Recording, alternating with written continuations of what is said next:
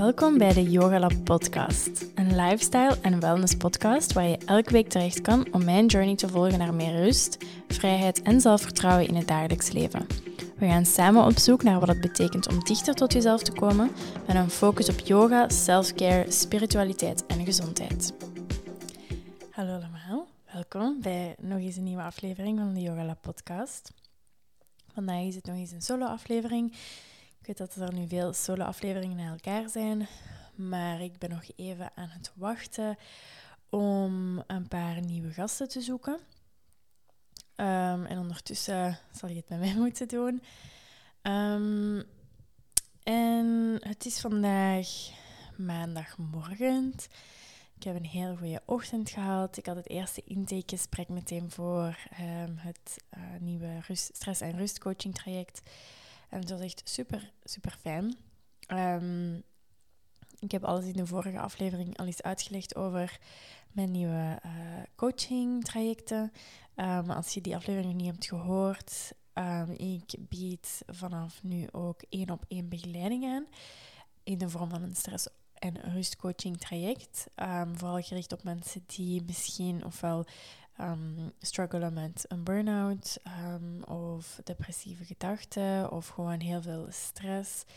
Um, of in het algemeen gewoon allemaal fysieke en mentale klachten die ja, gelinkt kunnen worden aan stress. en die graag een heel persoonlijke begeleiding hebben. Dat is een traject dat helemaal op maat wordt gemaakt.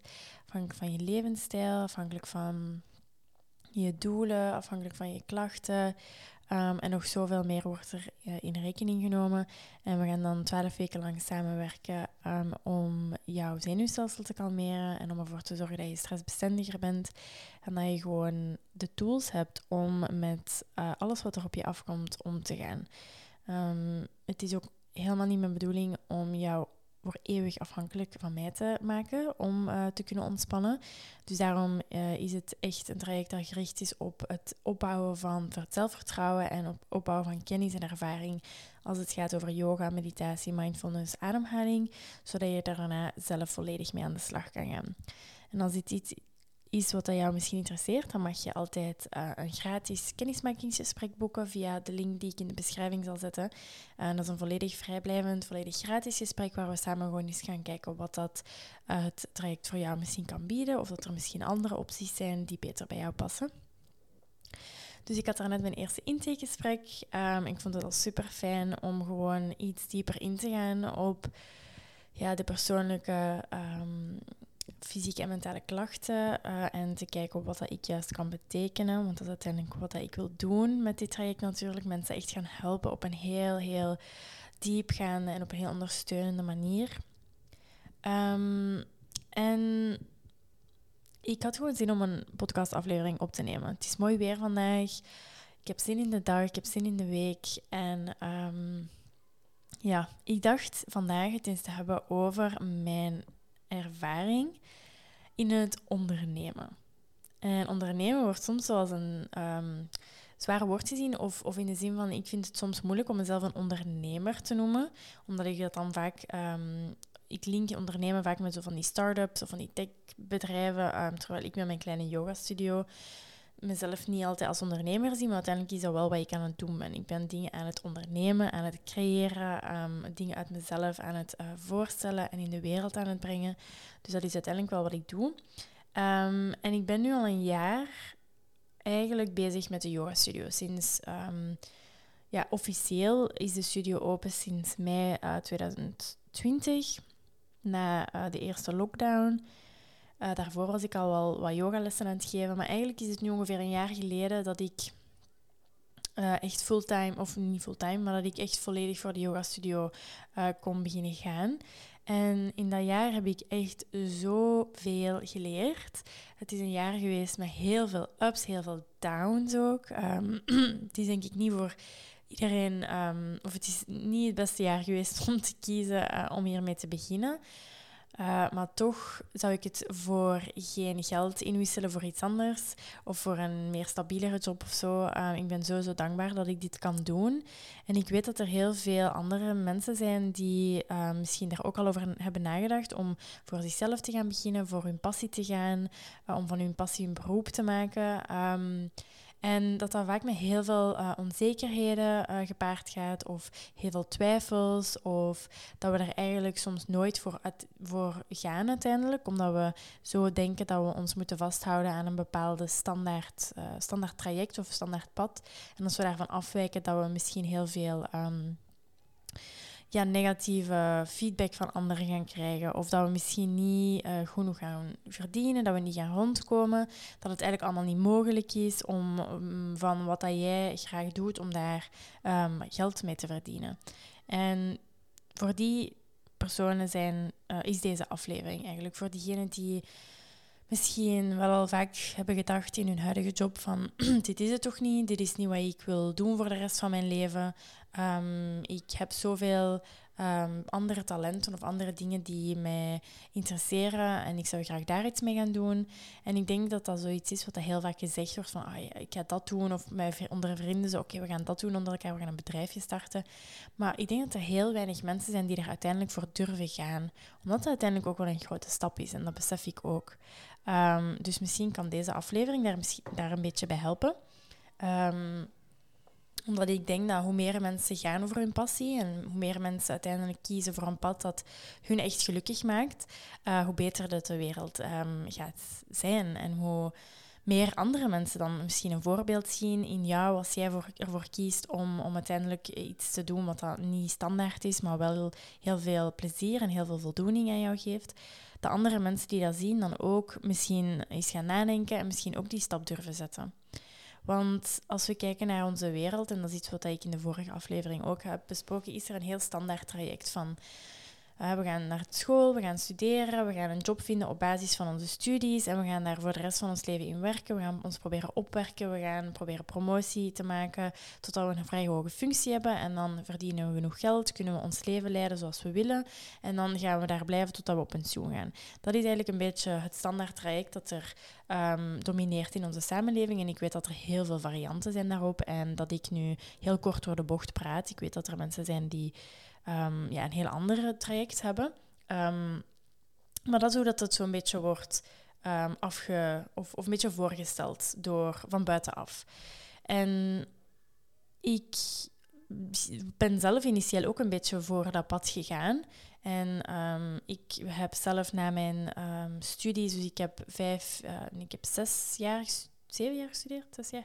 Dus eerst een bachelor in communicatie uh, in de KU Leuven, dan een master communicatie en dan nog een master internationale politiek. Um, dus inderdaad zes jaar. En daarna ben ik dan een stage gaan lopen bij de Europese Commissie. Met dan uiteindelijk het doel om daar binnen te geraken en daar te kunnen werken um, als, ja, als gewoon Europese Commissie of uh, Europese um, werknemer.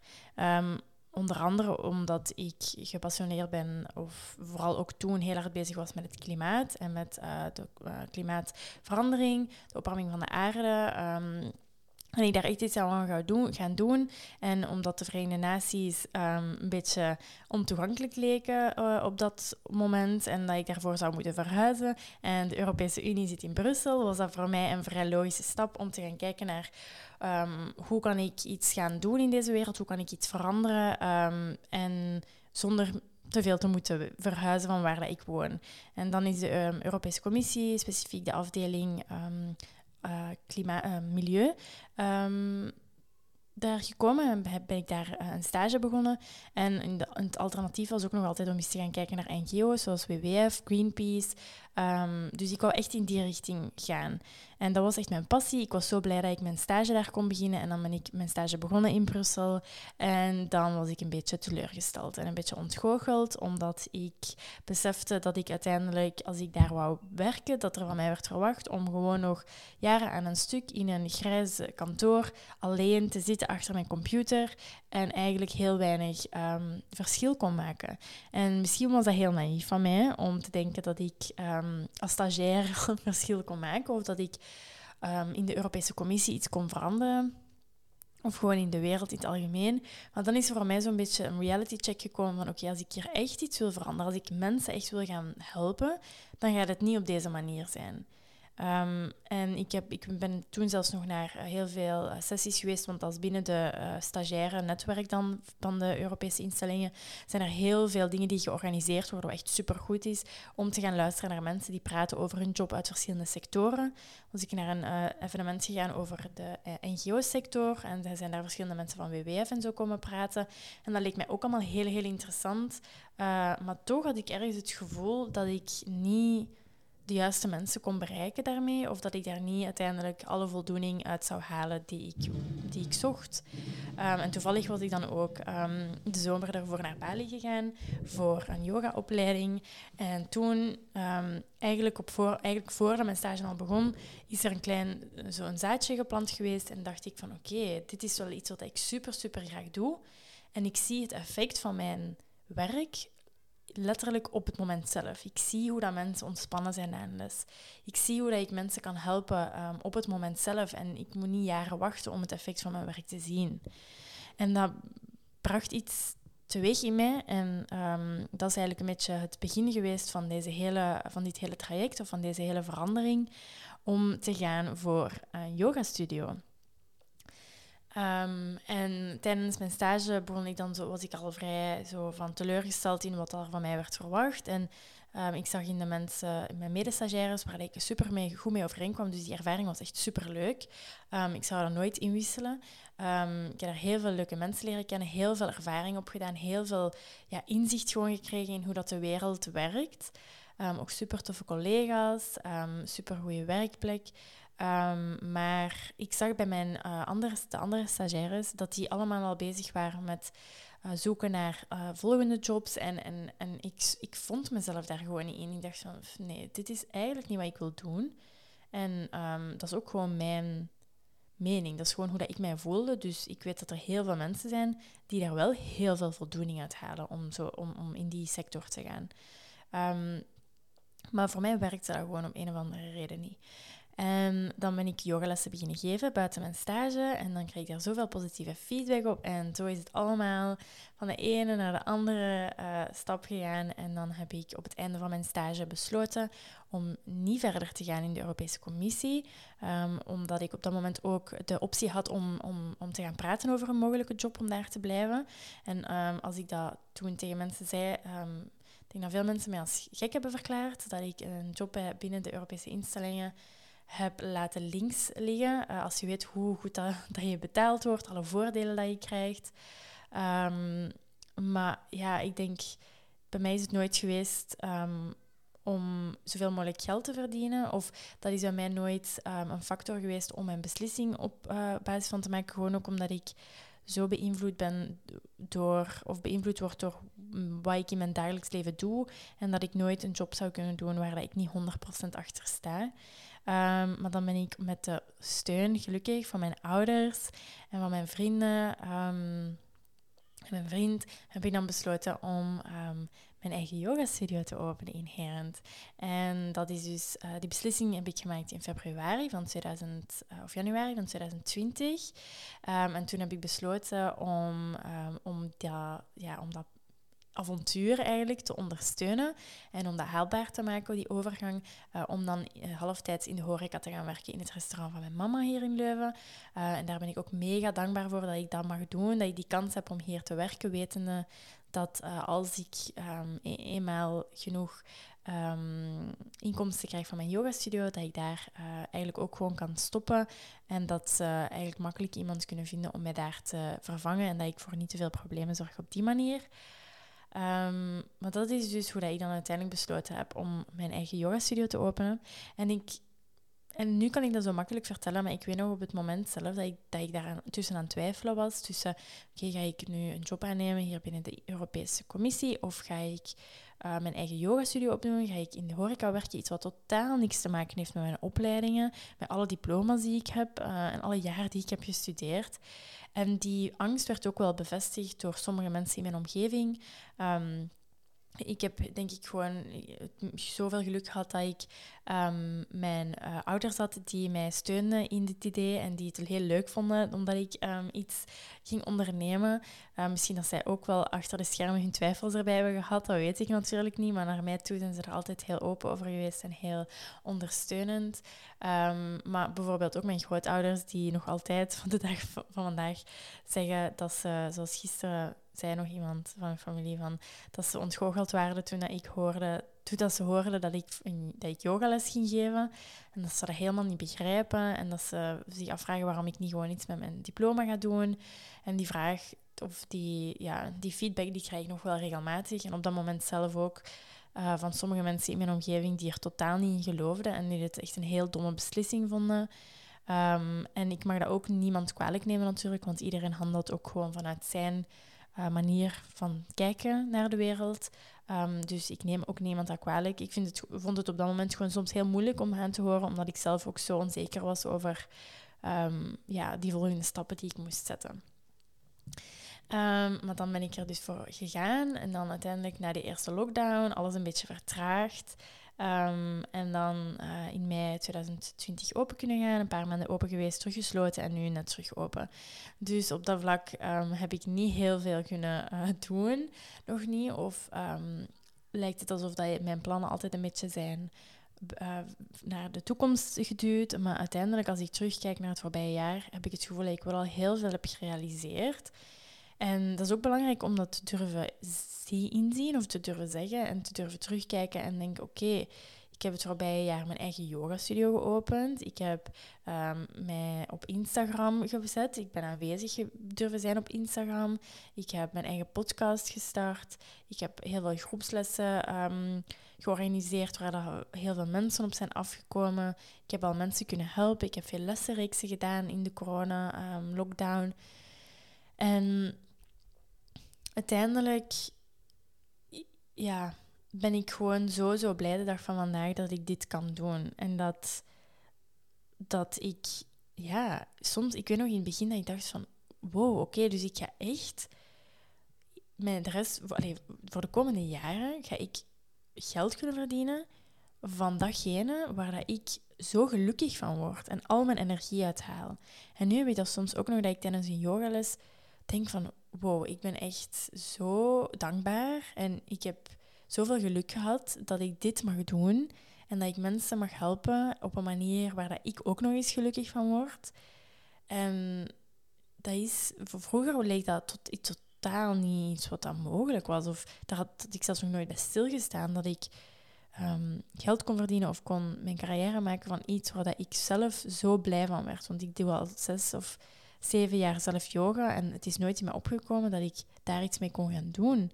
Want dat is niet wat dat, dat wij vaak zien in de wereld. En ik, ik hoop gewoon dat, dat deze aflevering misschien jou een beetje kan inspireren als je zelf zo wat twijfelt of dat je misschien zelf in een gelijkaardige situatie zit als waar dat ik een jaar geleden in zat. Um, want ik wil gewoon zeggen dat ondanks alle obstakels, ondanks alle heel moeilijke momenten, alle dingen die gefaald zijn, of waar ik me slecht over voelde, of waar ik stress van kreeg, is het, is het allemaal zo hard waard. En haal ik zoveel voldoening uit wat ik kan doen. Ik ben letterlijk op een maandagochtend een podcast aan het opnemen over een onderwerp waar ik heel graag over praat. Ik zou niks liever doen met mijn tijd op dit moment. En ik, ik denk dat het...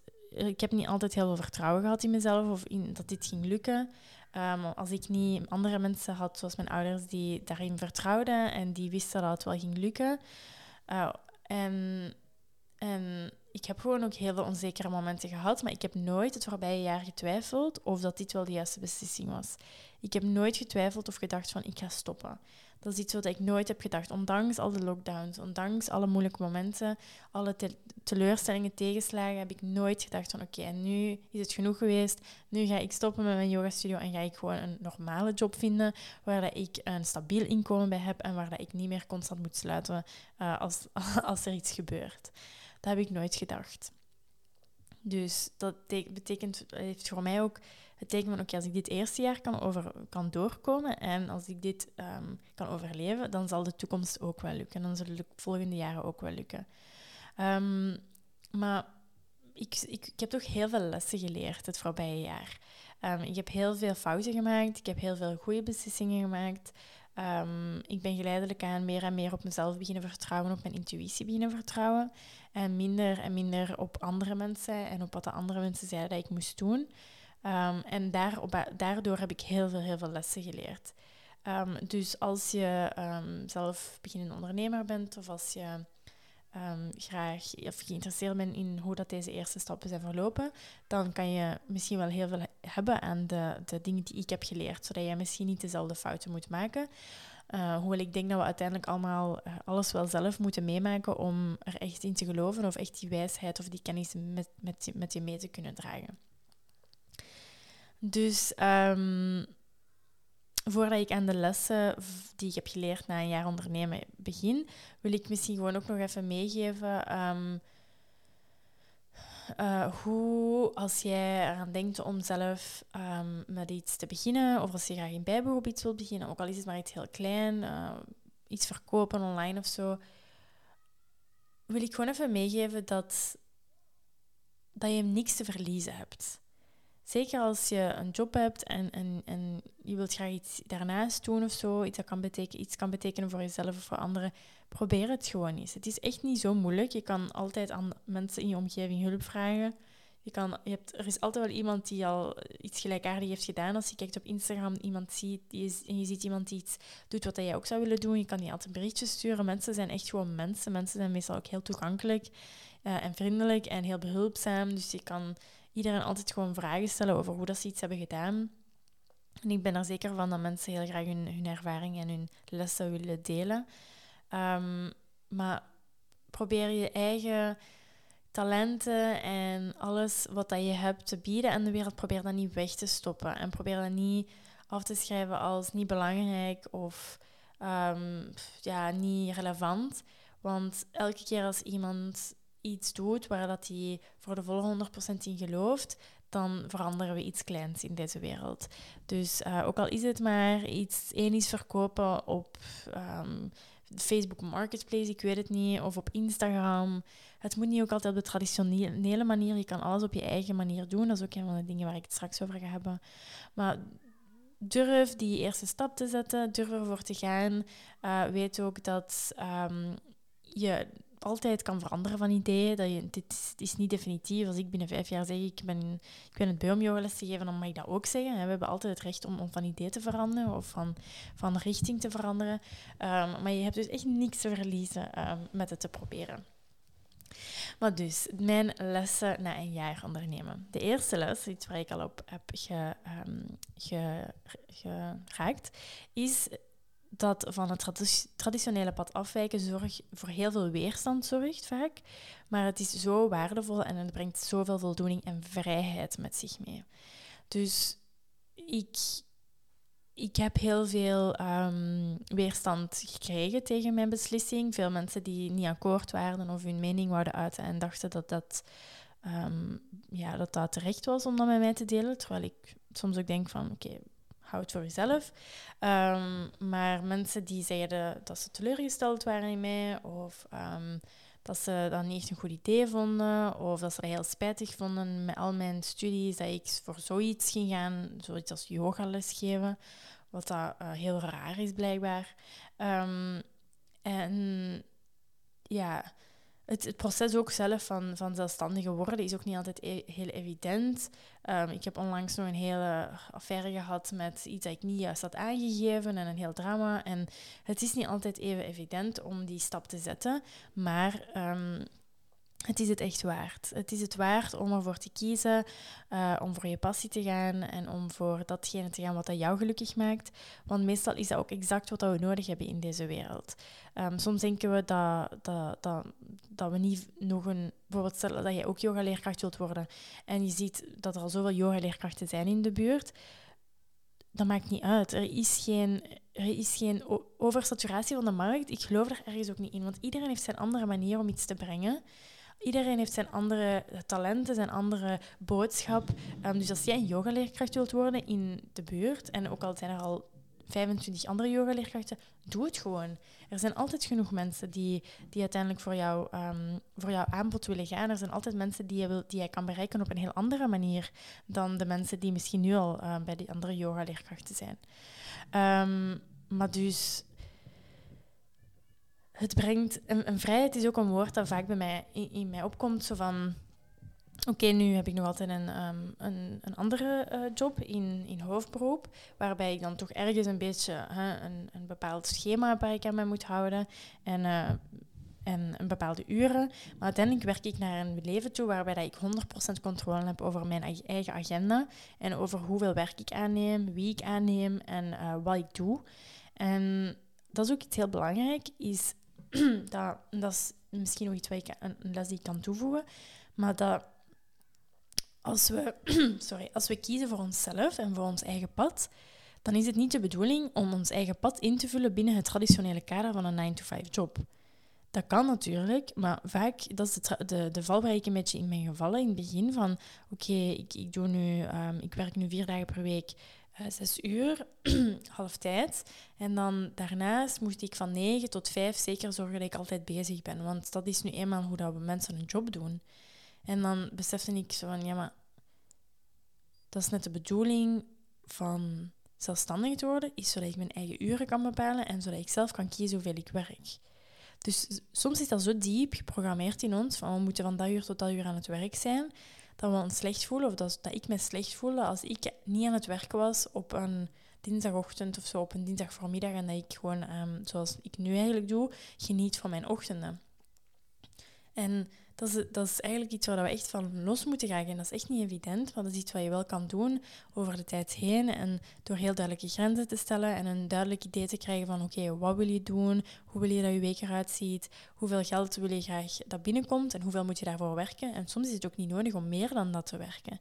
Dat is iets waar ik het straks ook nog over ga hebben. Maar de vrijheid die je kan creëren door, voor je, door je eigen uren te bepalen is heel waardevol voor mij. En ik weet dat er anderen zijn die heel veel ehm, stabiliteit en heel veel rust vinden in het hebben van een vaste job van met een bepaald uh, schema en bepaalde uren. En dat snap ik ook voor de volle 100 procent. Um, nu dat ik, hier, terug in de horeca kan werken, uh, sinds een paar weken, voel ik ook dat, er, dat dat heel veel stabiliteit in mijn leven brengt. Dat ik weet dat ik vier keer per week op dat uur daar moet zijn. En, en het geeft ergens een, een soort houvast. En dat is iets wat ik dan zelf ook ga moeten creëren. Eén keer ik voor de, voor de yogastudio in, in hoofdberoep ga werken. Um, en ik snap dat ook helemaal. Ik voel dat zelf ook, dat is goed voor mijn mentale gezondheid. Maar het is ook, als je het echt wil doen, dan is er altijd wel een, manier, is er altijd een mogelijkheid. Um, en dan de tweede les is um, om te vertrouwen op je intuïtie en op je gevoel. En deze is zo, zo moeilijk. Want één keer dat we voor onszelf beginnen werken en zelf verantwoordelijk zijn om ideeën in de wereld te brengen, om voorstellen te doen, om aanbod, een aanbod te creëren en dingen te gaan verkopen, dan gaan we precies niet meer in onszelf geloven. Dat is iets wat bij mij heel hard gebeurde. Van alles wat ik deed, moest ik een soort van bevestiging vinden van buitenaf dat wat ik deed dat dat een goed, een goed plan was, dat dat goed was. Uh, in de vorm van reacties van klanten of in de vorm van bevestiging van, van mensen rondom mij, van dit is toch een goed idee, hè? want anders ja, dan ga ik het niet doen. Um, en geleidelijk aan, ook door ondersteuning uh, met, van mijn psycholoog en van gewoon mensen die ik volg um, op Instagram of waar ik heel veel tijd um, in investeer om naar die boodschappen te luisteren, um, heb ik ook gewoon geleerd dat uiteindelijk de, alle kennis in ons zit. En we weten uiteindelijk wat een goed idee is en wat dat geen goed idee is. En vaak um, beginnen we ook dingen te creëren die niet echt ons, onze creatie zijn, maar eigenlijk een kopie van iets anders, omdat we denken dat dat is wat we moeten doen.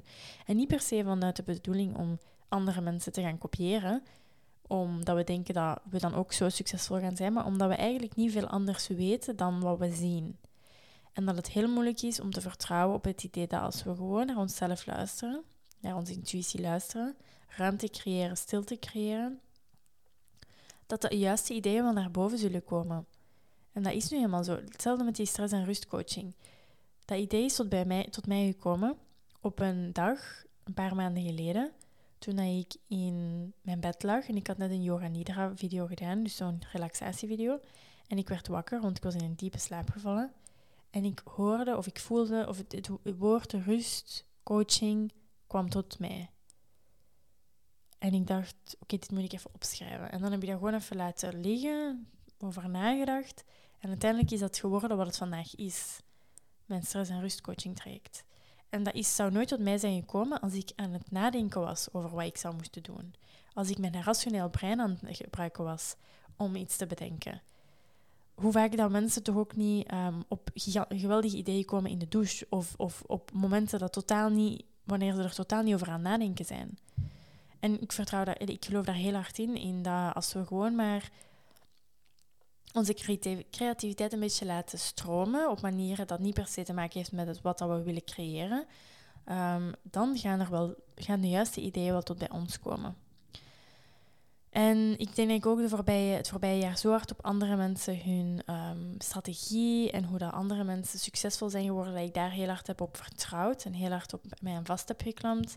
Um, ook in de business coaching programma's die ik volgde, ik heb daar heel, heel veel uit gehad. Maar nu is het ook tijd, heb ik het gevoel, om dat los te laten en op mezelf te gaan vertrouwen en mijn eigen manier te gaan creëren. Um, en dat is niet makkelijk in het begin, hè, om te vertrouwen op je intuïtie, omdat je pas iets nieuws aan het doen bent en je weet nog niet of het, of het goed gaat lukken. Maar uiteindelijk, het belangrijkste is dat je durft te gaan voor jouw droom, dat je durft te gaan voor datgene wat jou gelukkig maakt. En of dat dan nu in het eerste jaar een giga succes is, of dat je de eerste twee, drie jaar struggelt en niet, niet juist weet wat dat je moet doen dat is allemaal oké. Alles is even goed. Ehm, en dat is iets waar ik straks ook nog op ga terugkomen. Maar de derde les, en die gaat verder op wat ik daarnet zei, is dat het allemaal op jouw eigen manier kan. Want als we kijken naar heel veel coachingprogramma's, waar ik ook veel aan heb gehad en wat, wat, zeker waardevol kan zijn in het begin om zo'n mind, een ondernemersmindset te creëren, iets wat ik totaal niet had. Als je kijkt naar al die coachingprogramma's, die zijn eigenlijk hun eigen, hun eigen pad naar succes aan het aanleren hoe dat zij van A naar B zijn geraakt. Hoe dat zij van niks naar alles zijn geraakt.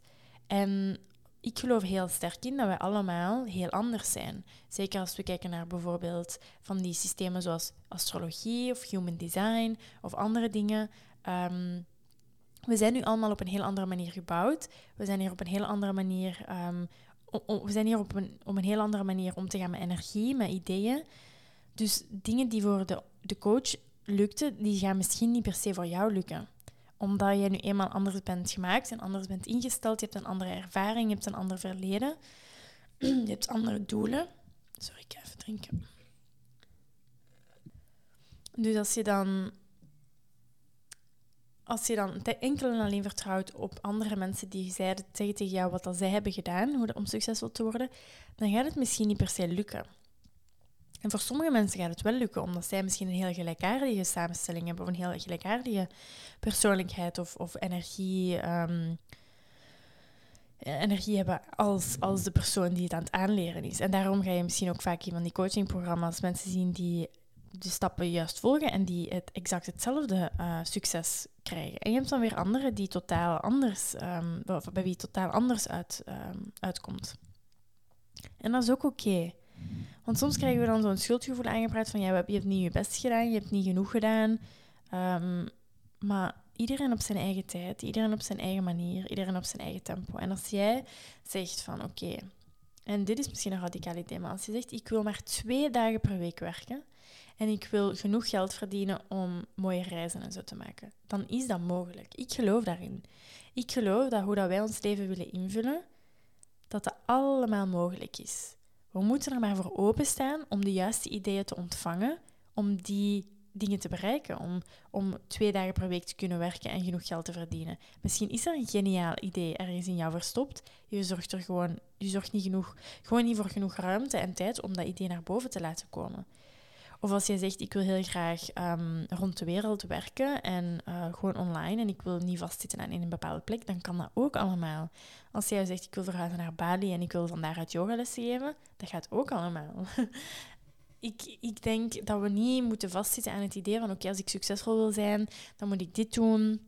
Dan moet ik zo snel mogelijk groeien. Dan moet ik zo snel mogelijk andere mensen beginnen aannemen. Dan moet ik zo snel mogelijk alles beginnen uitbesteden. En, en en als jij zegt van, maar ik werk niet graag met andere mensen samen, misschien is dat de reden waarom je bent eh, zelfstandig bent geworden, ja, dan moet je dat ook helemaal niet doen. Dus probeer zo een beetje te, zeker als je in het begin van je ondernemingsjourney bent, probeer een beetje te onderscheiden van wat dat boodschappen zijn die uit de ervaring komen van een andere persoon en wat dat misschien echte waarheden zijn.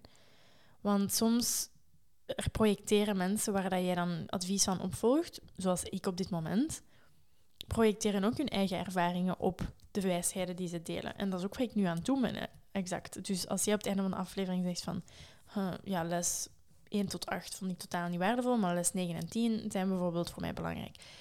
Doe wat er goed voelt voor jou. Luister enkel naar jezelf. Luister enkel naar jouw intuïtie, wat ik daarnet al zei. En geloof dat alles kan op jouw eigen manier.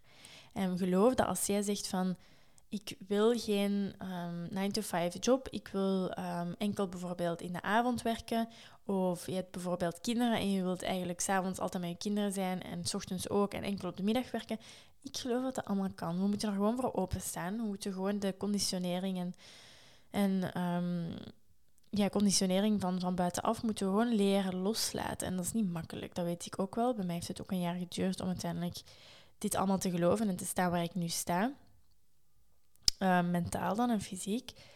Um, maar het is misschien een zaadje dat ik heb geplant, wie weet.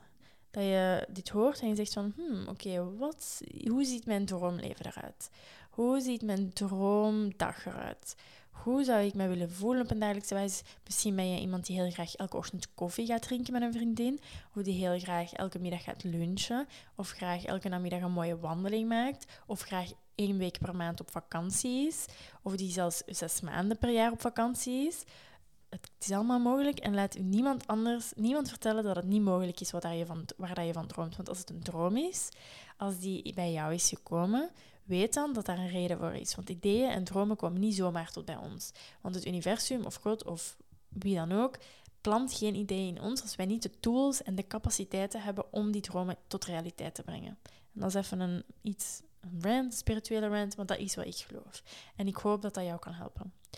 En dan de vierde les, die zo, zo belangrijk is, en eigenlijk weer verder gaat op de vorige, is vergelijk je niet met anderen.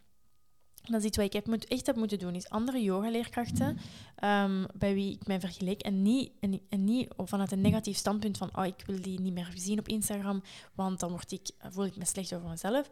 Maar als ik, ik heb gewoon heel veel andere yogaleerkrachten of mensen die in een gelijkaardige industrie zitten, heb ik moeten ontvolgen of muten op Instagram. En totaal niet vanuit een slechte bedoeling, van dat ze niet goed bezig zijn of dat ik uh, jaloers ben op hun succes. Of dat ik hun dat niet gun, totaal niet. Ik, ik, zoals ik daarnet al zei, ik geloof dat er honderd yogaleerkrachten letterlijk in één dorp kunnen zijn en we kunnen allemaal succesvol zijn op een of andere manier. Maar ik vergeleek me dan altijd van, oh, zij doen dat, misschien moet ik dat ook doen. Of dan zag ik hun manier van lesgeven of hun manier van iets aan te bieden. En dan dacht ik dat ik dat ook zo moest doen. En dan kon ik niet meer los daarvan gaan kijken naar mijn eigen aanbod. Dus dat heeft ervoor gezorgd dat ik heel veel meer ruimte heb om zelf tot ideeën te komen, zonder beïnvloed te zijn van wat de andere mensen aan het doen zijn. En dat, ik raad er zeker aan als je daarmee begint, om mensen die iets gelijkaardig doen als jou op Instagram eigenlijk gewoon niet te volgen.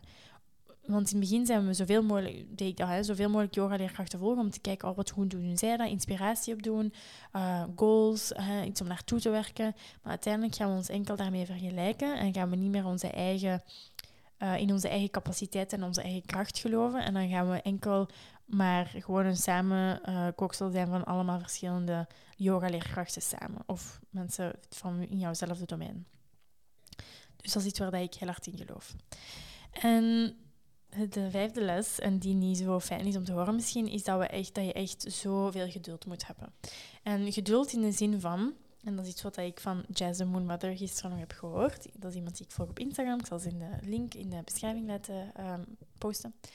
Dat geduld in haar woorden is het niet zelf saboteren in afwachting totdat je krijgt wat je wilt. En daarmee bedoelt ze dus eigenlijk dat als we iets willen, en we zijn, stel je bent een ondernemer en je brengt iets in de wereld, een aanbod. En daar komt niet meteen reactie op. In plaats van in volledige paniek te schieten en te denken dat je, wat je hebt gedaan dat heel slecht is, dat mensen achter je aan het lachen zijn, dat het niks waard is, dat niemand iets wilt kopen van u. Wacht gewoon even. En laat de juiste mensen tot bij jou komen. En we moeten echt afgeraken van het idee dat alles nu moet gebeuren. En dat als we nu iets posten, dat we nu reactie moeten hebben. En dat we nu de juiste mensen moeten hebben. En dat het allemaal nu, nu, nu moet gebeuren. Maar als we gewoon wachten en in onszelf en bij onszelf blijven, onszelf vertrouwen, vertrouwen dat wat we in de wereld brengen, dat dat vanuit een heel mooie plek komt, een heel eerlijke plek.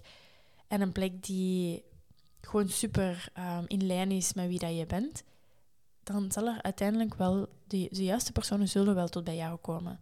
Op een of andere manier. En het zal misschien niet nu zijn, het zal misschien binnen een maand zijn, het zal misschien binnen een jaar zijn, het kan allemaal.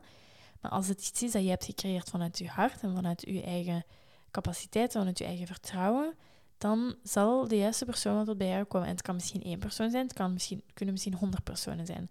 Uiteindelijk maakt het weinig uit. Het enige wat telt is dat jij in, in um, lijn bent gebleven, in alignment bent gebleven met wie dat jij bent en wat dat je wilt brengen in deze wereld. En als je daarbij blijft, dan meer kan je eigenlijk niet doen. En hetzelfde met als er dingen van buitenaf niet gaan zoals je wilt gaan, zoals nu in deze coronaperiode. In totaal is mijn studio iets van een acht maanden of zo toe geweest van het voorbije jaar. En ik denk dat ik heel dat ik makkelijk had kunnen zeggen van ik stop ermee, ik geef het op. Um, al deze stomme regels, ik word er boos van en me daar heel hard in opjagen. Dat heeft helemaal geen zin. Het enige wat ik kon doen is wachten en wachten en wachten. En tijd nemen voor mezelf, tijd nemen om te reflecteren. tijd, de tijd die ik werd gegeven eigenlijk, echt heel nuttig gebruiken. Een manier om, om echt weer tot mezelf te komen, om heel goed uit te rusten. Want dat is iets wat we ook nodig hebben. En iets wat we als ondernemer onszelf niet vaak gunnen, omdat er heel weinig grenzen zijn tussen werk en uh, privéleven. Omdat wij zijn onze job, we zijn wat we creëren. Um, en ik heb het gewoon losgelaten. Gedacht van oké, ik kan hier heel weinig um, in doen, op doen, mee doen. Ik kan dit moeilijk beïnvloeden of, of veranderen. Dus ik ga zien wat ik, hoe dat ik mijn best kan doen. En meer dan dat zal het niet worden. Maar dus geduld, geduld, geduld is zo belangrijk. En eigenlijk hier weer, het gaat precies allemaal mooi over in elkaar. Maar dan de zesde les is hoe dat alles niet zo snel mogelijk moet gaan. En ik denk dat we dat zeker in de ondernemerwereld en zo op Instagram en op social media, van we moeten zo snel mogelijk en zoveel mogelijk volgers krijgen en zoveel mogelijk klanten en zoveel mogelijk bereik, zoveel mogelijk inkomsten. Ons bedrijf moet mega succesvol zijn binnen de eerste maanden. En dat is ook, in sommige gevallen zal dat lukken. Hè. Als, als dat is wat er voor jou weggelegd is, dan zal dat gebeuren. Maar het is ook helemaal oké als jij zegt van, ik wil eigenlijk nog altijd rekening houden met mijn mentale en fysieke gezondheid. Ik wil heel harde grenzen stellen. Ik wil niet werken in het weekend. Ik wil mijn avonden vrij houden. En dat zal misschien betekenen dat we iets minder snel groeien, iets minder snel onze doelen bereiken. Maar dat is ook helemaal oké. We moeten niet allemaal om die dingen doen. En net die mindset van om te snel al die dingen doen, gaan ons leiden tot een burn-out of tot een plek waar dat we totaal geen energie of inspiratie meer hebben, omdat we zo overwerkt zijn en geen ruimte creëren voor onszelf. En dat is iets wat ik te vaak nog zie in de ondernemerwereld. In de ondernemerswereld, ook al wordt er een, een mindset gebruikt van zorg voor jezelf en, neem tijd voor jezelf, nog altijd zit er ergens dat ding van zorg voor jezelf, neem tijd voor jezelf in functie van je job. Zodat als je uitgerust bent, dat je weer heel hard kan werken en alles weer kan geven. En dat is iets wat ik in een vorige aflevering... sorry. Dat is iets wat ik in een vorige aflevering ook al um, zei van wat nu als je je eigen fysieke en mentale gezondheid op de eerste plek zet? Dat is een radicaal idee, hè? Om te zeggen van, oké, vandaag heb ik nu eens echt nood om een hele voormiddag te gaan wandelen of te schilderen. En dat heeft niks te maken met mijn job of niks te maken met hoe ik kan presteren. Dat gaat misschien zelfs minder, meer, ehm, meer uren uit mijn week halen, zodat ik minder kan bereiken. Maar ja, als je, in, als je vertrekt vanuit de instelling van ik moet zoveel mogelijk uren werken, ik moet zoveel mogelijk bereiken op een week, ja, dan gaat dat misschien moeilijk zijn om die zelfzorg echt te gaan implementeren op een manier die goed is voor jezelf en niet goed voor je job. Maar ja, wat voor leven is dat dan eigenlijk? Als je enkel dingen doet in functie van je job of je carrière. En in het begin Allee, er, is een plek voor alles. Hè. En in het begin, ik heb ook heel veel boeken gelezen over ondernemen en over marketing en over welke mindset. En dat heeft me heel hard geholpen. Maar nu ben ik die boeken zo beu gezien. Ik heb er geen enkel ik ga er nu al even geen meer lezen, ook niet. Niks van die zelf, zelfontwikkelingsboeken, buiten dan de spirituele boeken die ik graag lees.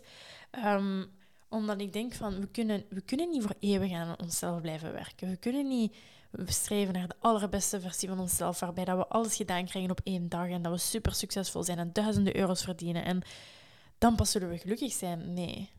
Als we dat blijven doen, en dat is wat ik gisteren nog in de, ehm, het boek van Eckhart Tolle las, van we kunnen ofwel de tijd als onze vijand, of het, moment, het huidige moment als onze vijand zien en enkel het huidige moment gebruiken als een middel om het doel te bereiken, namelijk het doel is dan iets in de toekomst, een bepaald iets dat we in de toekomst stellen. Maar als we zo kijken naar de wereld, dan gaan we, we gaan nooit in het echte moment leven, want de toekomst is, blijft altijd voor naar de toekomst geschoven worden. Maar als we, iets, als we echt iets willen voelen of echt gelukkig willen zijn, dan moeten we leren leven in het hier en in het nu. Ook al zijn we nog niet waar dat we denken dat we moeten zijn om gelukkig te zijn, maar we kunnen letterlijk nu op dit moment gelukkig zijn. Natuurlijk zijn er altijd omstandigheden die ons um, die dat bemoeilijken en um, hebben we soms ook hulp nodig. Altijd die disclaimer. Maar ja, ik heb, ben het gewoon zo beu om, om, om altijd te moeten streven naar als ik zoveel volgers heb op Instagram, als ik zoveel klanten heb, als mijn lessen vol zitten, als ik zoveel privélessen heb, als ik zelfstandig in hoofdberoep kan zijn, dan ga ik gelukkig zijn. En dan, als we het zo denken, dan gaan we dat nooit zijn, want er is altijd een volgende doel om te bereiken. Um, ik ben hier nu een beetje aan het afdwalen, maar dat is denk ik toch iets belangrijk om mee te geven, opnieuw en opnieuw, dat uiteindelijk het allerbelangrijkste is dat we in het hier en het nu doen waar dat we ons goed bij voelen. En dat we ons niet laten leiden door wat andere mensen zeggen dat we moeten doen, door andere mensen hun tijdlijn te volgen. We hebben allemaal onze eigen tijdlijn. Als ik binnen tien jaar pas zelfstandig in hoofdberoep kan worden, oké, dat zou nu een ideaal zijn, maar ja, dan is het zo. En ja, ik weet het niet. Ergens moeten we een beetje openstaan voor de on, on, onvoorspelbaarheid, voor de flexibiliteit, voor de flow van het leven en niet alles zo willen plannen en als het niet lukt volgens de planning, dat we ons slecht gaan voelen. Want uiteindelijk was die planning toch maar iets wat we zelf creëerden in ons hoofd. Dus waarom zouden we ons zo slecht doen voelen door iets wat we zelf hebben gecreëerd? Hm. Maar goed. Dus die zesde les, het moet niet allemaal zo snel mogelijk gaan. We mogen onze tijd nemen. We mogen een week vrij nemen. We mogen een week stoppen met werken als we daar nood aan hebben. We mogen even alles op pauze zetten als het nodig is. En we gaan daardoor geen slechtere ondernemer zijn, we gaan daardoor niet falen. Ik dacht ook altijd van, ik moet elke dag aanwezig zijn op Instagram, anders dan ga ik mensen verliezen. En dat idee heb ik 100% losgelaten, want als ik nu eens een week, ik voelde mij zo slecht uh, onlangs, uh, nu al een tijdje geleden, en ik had geen energie om iets om te zetten online. En niemand is gestorven, niemand, is, niemand heeft daaronder geleden, niemand heeft mij gemist. En ik heb nog altijd mensen in mijn yogales. En er zijn nog altijd mensen die geïnteresseerd zijn om bij mij lessen te volgen of bij mij iets te doen. Omdat uiteindelijk, ik, als ik dan wel iets post, dan komt dat vanuit een heel oprechte plek. En ik wil nu enkel nog maar dingen delen, bijvoorbeeld, die ik echt belangrijk vind om te delen. En niet in die rat race zitten van elke dag aanwezig zijn, elke dag mijn gezicht doen en elke dag een hele strategie hebben voor Instagram. En oké, misschien zal ik dan binnen een maand miljonair zijn, wie weet, maar het is, het, is mijn, het, is, het is het allemaal echt niet meer waard voor mij. Dat is ook iets wat ik heb beseft van. Het is het niet waard voor mij om mijn eigen persoonlijkheid en mijn eigen uh, tijdslijn op te geven om iemand anders zijn definitie van succes te gaan vervullen. En dan stap of les 7. Neem radicale verantwoordelijkheid. En dat is heel moeilijk. En nog altijd vind ik dat soms moeilijk. Maar alles is jouw verantwoordelijkheid. En dat klinkt soms hard, maar als, als, als, er, als er een coronacrisis is, en, zoals nu, en wat je doet, kan je niet doen door de omstandigheden. Neem verantwoordelijkheid en duw het niet af op de anderen. En dat is iets wat ik nu ook heel, heel moeilijk heb, zoals ik daarnet al zei. Um, door dat ik iets niet of op de juiste manier heb aangegeven bij het aanvragen van mijn uitkeringen um, in hoofdberoep, moet ik nu die uitkering terugbetalen? En heel vaag, hè, kort gewoon uitgelegd wat de situatie is, maar ik kan mij blijven het slachtoffer voelen van deze situatie. En ik kan blijven boos zijn op de overheid of op wie dan ook. Het gaat niks veranderen aan de situatie. Het is allemaal mijn verantwoordelijkheid. En dat is zo moeilijk om die verantwoordelijkheid te dragen, omdat ik omdat het makkelijk is om te zeggen, ik ben het slachtoffer hier. Andere mensen zijn in fout. Ik moet andere mensen gaan inzien dat zij in fout zijn en dat ik juist heb en dat ik niks heb gedaan. Maar we gaan daar nergens mee geraken, want die andere mensen, die, dat boeit die letterlijk niks. Die zijn niet geïnteresseerd in ons verhaal. Hetzelfde met de corona-dingen. We kunnen nog zo boos zijn op de overheid voor de maatregelen die zijn ingevoerd geweest. Of de, het, leid, het lijden dat we hebben um, het lijden dat we hebben gehad door de maatregelen als zelfstandig als ondernemer. Het gaat niks veranderen. Het enige wat we gaan doen is onszelf opjagen. We gaan onze mentale en fysieke gezondheid uh, op de proef stellen. En we gaan uh, vastzitten in het hier en in het nu. Of eerder gezegd, we zitten vast in het verleden. En we geraken niet vooruit. Dus dat is eigenlijk iets wat als, als ondernemer, maar als mens gewoon in het algemeen, wat dat zo belangrijk is om altijd verantwoordelijkheid te nemen voor de situatie die zich presenteert. Want we kunnen ons echt kapot piekeren en we kunnen boos zijn en we kunnen ons frustreren.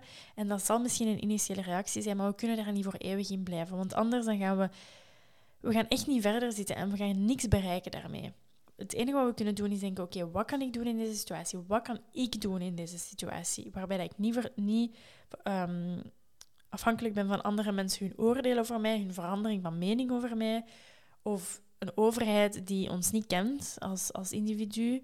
Um, het heeft allemaal geen zin. En dat is iets wat we eigenlijk in elke situatie kunnen toepassen. En oké, ik wil er niet mee zeggen dat we niet soms een slachtoffer kunnen zijn van een situatie. Dat, zal altijd, dat kan altijd voorkomen natuurlijk. Maar het heeft geen zin om in die slachtoffermentaliteit te blijven steken. Die mentaliteit is iets wat we zelf creëren. Slachtoffer zijn kunnen we, kan ons overkomen, maar die mentaliteit is iets wat we creëren. Stap 8 of les 8 is: het is oké om even te rusten. En dat is wat dat eigenlijk samengaat met daarnet, van het, dat het niet allemaal zo snel moet, mogelijk moet gaan. Maar het is oké om te zeggen: vandaag ga ik nu eens niet werken aan mijn onderneming of aan mijn business. Vandaag ga ik eens tijd doorbrengen met mijn vrienden of mijn familie. Of ga ik eens nee zeggen tegen iemand die vraagt om iets te doen, omdat ik eigenlijk een dag voor mezelf had gepland. Eigenlijk gaat dit, deze les samen met het idee van het is oké om nee te zeggen tegen mensen. We moeten niet tegen iedereen alles ja zeggen. Uh, omdat het zogezegd een goede business opportuniteit is. Als wij het gevoel hebben van dat is geen goed idee voor mij, dat voelt niet juist aan, of ik heb nooit aan rust, ik heb geen zin om dat te doen, dan is het oké om nee te zeggen. We moeten niet altijd logisch daarover aan kunnen nadenken, daar een logische verklaring voor kunnen geven. Maar ehm, dat is zo belangrijk om, om echt die grenzen te stellen, om te zeggen van oké, op die dagen werk ik, op die dagen werk ik niet. En ook echt niet, want dat is iets wat ik eh, in de vorige aflevering ook deelde, is van ehm, Jamie Varren op Instagram, dat zij ook zegt van mijn, mijn weekend is heilig en als ik, niet, als ik mijn werk niet gedaan krijg tijdens de week, betekent dat dat ik te veel werk heb of dat ik te veel op mijn schouders neem en moet ik eigenlijk iets loslaten. Vind ik een heel mooie mindset. En dan um, les 9 is dat het nooit zoals gepland gaat. Nooit, nooit gaat iets zoals gepland. En daarom ben ik het ook een beetje los aan het laten om dingen te plannen. Om een heel gedetailleerd, eh, heel gedetailleerde strategie te hebben, met heel verschillende doelstellingen, met heel veel verschillende um, ja, strategieën. voor sommige mensen, zal het zeker en vast helpen. Ik, um, ik denk ook dat dat afhangt van een beetje mijn manier om te werken en, en hoe dat ik mij het beste voel in mijn lichaam en in mijn geest. Maar als ik te veel plan, als ik te veel strategie, met strategie bezig ben, dan ben ik aan het vergeten om te genieten van wat ik aan het doen ben. En dan vergeet ik te leven in dit moment. En dan ga ik vaak ook doelen stellen die misschien totaal niet relevant zijn voor mij. Zoals, um, ik had zo langs een, een tijd geleden een doel gesteld van... Ik moet elke dag mijn gezicht op Instagram tonen, omdat dat ook werd wordt gezegd hè, door alle business coaches. En op het einde van de maand had ik dat niet gedaan. En dan dacht ik, maar waarom heb ik dat gedaan? En dan dacht ik, ja, omdat ik dat niet wou omdat ik me niet goed voelde, omdat ik geen zin had om mijn gezicht te delen, omdat ik de relevantie er niet van inzag. En dan dacht ik, oké, misschien moet ik, heeft dat doel eigenlijk weinig waarde dan voor mij. En geef ik mezelf enkel een slecht gevoel, om dat door dat niet te bereiken. Maar eigenlijk was dat totaal geen doel dat in lijn was met, met hoe dat ik me voel en wat dat ik belangrijk vind als persoon. Dus we kunnen altijd wel doelen stellen en een beetje deadlines en zo, zeker als we dat nodig hebben om gemotiveerd te zijn en om te kunnen werken. Maar we kunnen er ook op vertrouwen dat als we, zoals bijvoorbeeld ik nu met mijn traject van stress- en rustcoaching, heb ik mezelf ook geen deadline opgelegd. Dan heb ik gewoon op, basis van wat dat goed voelde en, en wanneer dat de dingen tot bij mij kwamen en wanneer ik dacht, dit is het juiste moment erover te, om erover te delen, zonder mezelf op een enkel moment te pushen. Ik heb me in geen enkel geen enkele stap van deze fase om dit naar de wereld te brengen gepusht om dingen te creëren die ik niet wou creëren. Het komt allemaal vanuit een plek die heel, heel oprecht is en die heel, heel goed aanvoelt. Dus ik heb, ik heb, die, ik heb mijn ehm, post gemaakt, ik heb alles gebrainstormd erover op een moment dat ik daar een energie voor had, dat ik daar zin in had, dat ik het voelde dat ik de creativiteit in mij had om het, ehm, om, om het te creëren. Dus, en vaak gaan dingen ook dus gewoon niet zoals gepland. En, of als je als ondernemer dingen wilt doen en je hebt zoveel mensen nodig om je ding te kopen, om succesvol te zijn. En, en dan kopen niet zoveel mensen dat en dan is alles om zeep. En uiteindelijk maakt het allemaal weinig uit. We kunnen doelstellingen zetten en we kunnen plannen maken en dat kan ons helpen. Maar we kunnen daar echt niet zo ons aan vastklampen. Um, want dan gaan we meer gefocust zijn op de doelen dan op wat we eigenlijk hebben bereikt. Want soms soms als al in de businesswereld zeggen we dan van oké, we, we, willen um, iets, een programma lanceren en we willen daar zeker 15 mensen voor die zich inschrijven. En als we dan maar een 14 zitten, dan hebben we zogezegd gefaald. Maar uiteindelijk zijn er 14 mensen die hebben gezegd van dit is iets wat mij kan helpen en waar ik geïnteresseerd in ben. 14 mensen kan je helpen. Dat is heel veel, hè? Zelfs één persoon is al genoeg. En soms zit je zo vast met die nummers en met die cijfers. En van, oh, ik heb deze maand maar zoveel verdiend, ik heb maar zoveel inschrijving, ik heb maar zoveel dit. Uiteindelijk elke euro, elke persoon die, waar je mee in contact komt, kan je helpen. En dat heeft dan heel veel waarde. En daardoor denk ik dat het plannen en het doelen stellen kan, hulp, kan helpen. Maar zorg dat het niet je centrale focus wordt. En dan de laatste les is om misschien een beetje in, in strijd met mijn hele aflevering. Vraag niet te veel de mening van anderen. En word niet te afhankelijk van wat de andere mensen zeggen. Dat is iets wat ik in het begin heel hard deed. Is altijd als ik een nieuw idee had om te gaan aftoetsen met mijn vriend of mijn vriendin. Van, ah, zou dit iets goed zijn? Denken jullie dat dit succesvol kan zijn? En wat denken jullie dat dit een, eh, dat, hoe dat ik dit kan doen? En uiteindelijk zorg je dan ervoor dat je een aanbod creëert dat afgestemd is op andere mensen, hun capaciteiten en hun, hoe dat zij naar de wereld kijken, en niet op de jouwe. Want jij bent een uniek persoon, jij hebt je eigen krachten, je hebt je eigen capaciteiten. Dus gebruik die ook. En vertrouw erop dat hoe dat jij naar de wereld kijkt en wat jij te bieden hebt, dat dat waardevol is. En dat we niet per se de bevestiging van andere mensen moeten hebben. Want vaak ook heb ik dan een idee en dan ga ik dat overleggen met iemand en dan hebben zij een heel ander idee. Dan voel ik me slecht over mijn idee. En dan ga ik toch voor hun idee. En dan uiteindelijk heb ik spijt dat ik niet mijn eigen idee heb gevolgd. Want dat is uiteindelijk waar ik initieel mee, mee ben gekomen. Dus zeker ook mensen die... Weet je, je kan misschien... Dat is iets wat ze vaak zeggen ook van neem enkel feedback aan van de mensen van wie je denkt dat die ook in, op jouw manier naar de wereld kijken of, of, of um, het, beste de beste, het beste voor hebben voor jou. Want als ik bijvoorbeeld naar mijn um, bepaalde mensen in, in mijn verre omgeving, in mijn verre kring, moet gaan en moet gaan vragen van wat denken jullie dat ik best doe met mijn yoga studio, ja, die denken in de eerste plaats misschien al van oké, wat is die yoga studio? Dat is super belachelijk, ik snap het niet. Um, en ten tweede, ik denk dat het beter is als je daar gewoon direct mee faalt en dat je weet dat het toch niks kan worden, uh, zodat je beseft dat je misschien best een gewone job gaat doen. Dus snap je, je moet ook weten van wie dat je feedback vraagt, van waar dat de bepaalde mensen hun mening komt, hun ideeën komen. Die zijn waarschijnlijk ook vanuit heel persoonlijke plekken dat die komen. En um, soms niet van, met de beste intentie voor jou. Dat is nu eenmaal zo. Um, want dit waren dus de tien lessen die ik het voorbije jaar heb geleerd um, tijdens het ondernemen. En ik denk dat ik er nog heel veel, heel veel uh, ga leren de komende jaren. Ik heb er vooral heel veel zin in. En ik ben gewoon heel, veel, heel blij dat ik eindelijk die constante push en uh, constante ja, constant te doen en blijven gaan en zoveel mogelijk volgers, zoveel mogelijk inkomsten, zoveel mogelijk klanten, zoveel mogelijk dit en dat, dat ik die mindset heb kunnen loslaten. Want ik ben zoveel gelukkiger op dit moment. Um, zeker deze lockdown heeft voor mij eigenlijk heel veel goed gedaan. Ik heb heel veel kunnen herevalueren, heel veel kunnen bijleren uh, in de zin van wat ik belangrijk vind en wat, dan, wat ik niet belangrijk vind. Uh, en dat is uiteindelijk het allerbelangrijkste. Hè? Hoe dat wij ons voelen bij wat we doen. En niet per se hoe dat de buitenwereld er naartoe naar kijkt. Want we vallen heel snel terug in diezelfde routine van ons succes laten afhangen van hoe de andere mensen naar ons kijken. En dat is wat ik, waarom dat ik eigenlijk dan niet voor het traditionele pad ben gegaan van een bepaalde job in een heel succesvolle of een heel hoogstaande um, sector of, um, instelling te gaan werken. Um, om dan ook een beetje los te kunnen geraken van het bepaalde idee van wie dat ik moet zijn als persoon en, en, en afhankelijk zijn van andere mensen hun, acceptatie en, um, complimenten. En dan val ik eigenlijk terug in dezelfde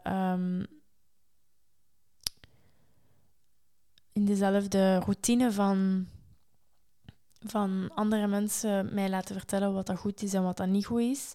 En wat dat voor hun succesvol succes betekent. Terwijl dat voor mij succes uiteindelijk betekent dat ik kan opstaan s ochtends, dat ik mij goed voel, dat ik tijd kan hebben om de dingen te doen die me echt zoveel geluk brengen, zoals mijn yoga, zoals mijn meditatie, zoals mijn journaling, een lekkere deka koffie drinken, een smoothie maken, buiten zitten op het terras en kijken naar de wolken en de vogels en de bomen en kleine dingen die langs vliegen en mijn kat die op de grond ligt en etentjes met vrienden en, en mooie reizen maken die niet eens... Bijvoorbeeld deze vakantie ga ik tien dagen met mijn vriend naar Italië en ik heb er zoveel zin in om gewoon terug naar Toscane te gaan, waar ik altijd naartoe ging vroeger. En lekkere wijn drinken, lekkere pasta eten elke dag. En ah, ja, kan blijven gaan.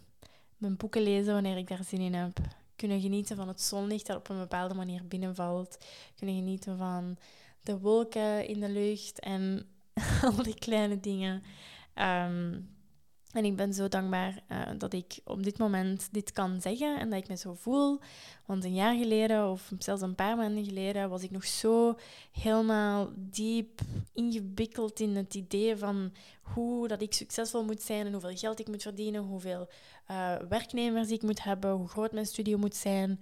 En nee, ik heb een eigen definitie van succes. Als ik voor de rest van mijn leven mijn studio wil hebben waar niet zoveel mensen in geraken en als ik voor de rest van mijn leven maar een paar lessen per week wil geven en nooit iemand wil aannemen, dat is helemaal oké. Dat mag. We moeten niet altijd andere mensen hun definitie van succes gaan volgen om ons succes, succesvol te voelen. Dus dit was een vrij persoonlijke aflevering, een vrij lange aflevering weer, waar ik zoveel mogelijk uh, mijn ervaring heb gedeeld in de hoop dat het jou kan helpen. Um, en dit is misschien een beetje. Dit is misschien een beetje gaat misschien een beetje in tegen wat er vaak wordt gezegd in de ondernemerswereld. Dus don't hate me. Um, dit is gewoon mijn persoonlijke ervaring. En ik, um, ja, ik hoop gewoon dat het helpt dat je misschien gemotiveerd bent om er zelf voor te gaan, om zelf uh, iets te beginnen. Um, en als je dat totaal niet interessant vindt, dat is ook helemaal oké. Ik ben er niet aan degene die hier gaat zeggen dat het zelfstandige zijn, dat dat de enige juiste optie is. Uh, of dat, er, um, dat het traditionele pad tussen aanhalingstekens, waar ik dan soms naar verwijs dat dat slecht is op een of andere manier, het werkte gewoon voor mij niet. Als dat voor jou werkt, dan ben ik zo, zo gelukkig voor jou en vind ik dat echt super. En er zijn ook gewoon heel veel mensen nodig in elke sector, in elke job. Um, maar we mogen ons gewoon niet laten vangen door het idee dat dat de enige optie is. Dat is wat ik eigenlijk wil zeggen. En dat er ook een alternatief is. En hier ben ik om dat alternatief een beetje te bieden. Dus dankjewel om te luisteren naar de aflevering. Um, als je nog bepaalde verzoekjes hebt of bepaalde dingen waar je graag meer over wilt weten of bepaalde vragen hebt die je graag wilt dat ik in een aflevering, dan lijkt me ook wel eens leuk om zo'n Q&A-aflevering te doen. Of mensen die je graag, nog eens, die je graag hoort op de, uh, op de podcast, dus stuur me alsjeblieft een berichtje op Instagram of via een mail. Ik zal alles uh, onderin in de beschrijving van de aflevering zetten. Want bijvoorbeeld net tijdens deze aflevering heb ik weer een berichtje ontvangen van iemand om te laten weten dat ze naar de vorige aflevering hebben geluisterd en dat ze er heel veel aan hebben gehad. En hun mening en hun feedback en hun um, conclusies of, of de dingen die zij hebben geleerd uit de aflevering, uh, om die te delen. En ik denk dat dat de leukste berichtjes zijn om te krijgen voor mij. Dus uh, voel je zeker niet verlegen of, of um, hou je zeker niet in om het mij te laten weten. Um, ik wens je nog een hele, hele fijne dag. Ik denk dat het een heel mooie week gaat worden op het moment dat ik het nu opneem, 7 juni 2021. Uh, het is ook de verjaardag van mijn broer op dit moment. Gelukkige verjaardag, Alexander. Um, En dan hoop ik dat je kan genieten van het mooie weer. Dat je kan genieten van een paar leuke momenten met, van rust en relaxatie en zelfzorg. Uh, en dat je je niet laat uh, opjagen door wat dat je denkt dat je aan het doen moet zijn. Dat je gewoon kan doen waar dat je zin in hebt. Dus dankjewel om te luisteren en graag tot in de volgende aflevering. Doei!